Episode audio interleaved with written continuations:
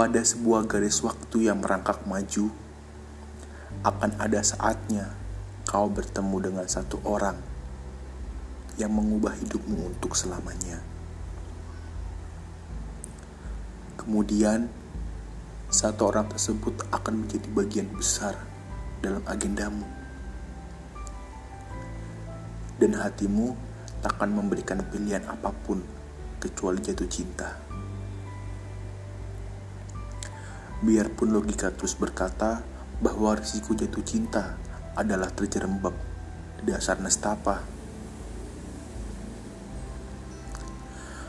Pada sebuah garis waktu yang merangkak maju, akan ada saatnya kau terluka dan kehilangan pegangan. Yang paling menggiurkan setelahnya adalah berbaring, menikmati kepedihan, dan membiarkan garis waktu menyeretmu yang niat tak niat menjalani hidup. Lantas, mau sampai kapan? Sampai segalanya terlambat untuk dibenahi? Atau sampai cahayamu benar-benar padam? Hei, sadarkah bahwa Tuhan telah mengujimu karena dia percaya dirimu lebih kuat dari yang kau duga? Lihat, dan bangkit. Hidup tak akan menunggu. Pada sebuah garis waktu yang menangkap maju, akan ada saatnya kau ingin melompat mundur pada titik-titik kenang tertentu.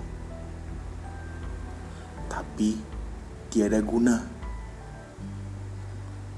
Garis waktu tak akan memperlambat gerakannya, meskipun sedikit pun ia hanya mampu maju dan terus maju.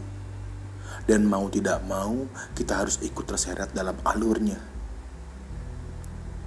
Maka, ikhlaskan saja kalau begitu. Karena sesungguhnya, yang lebih menyakitkan dari melepaskan sesuatu adalah berpegangan pada sesuatu yang menyakitimu secara perlahan.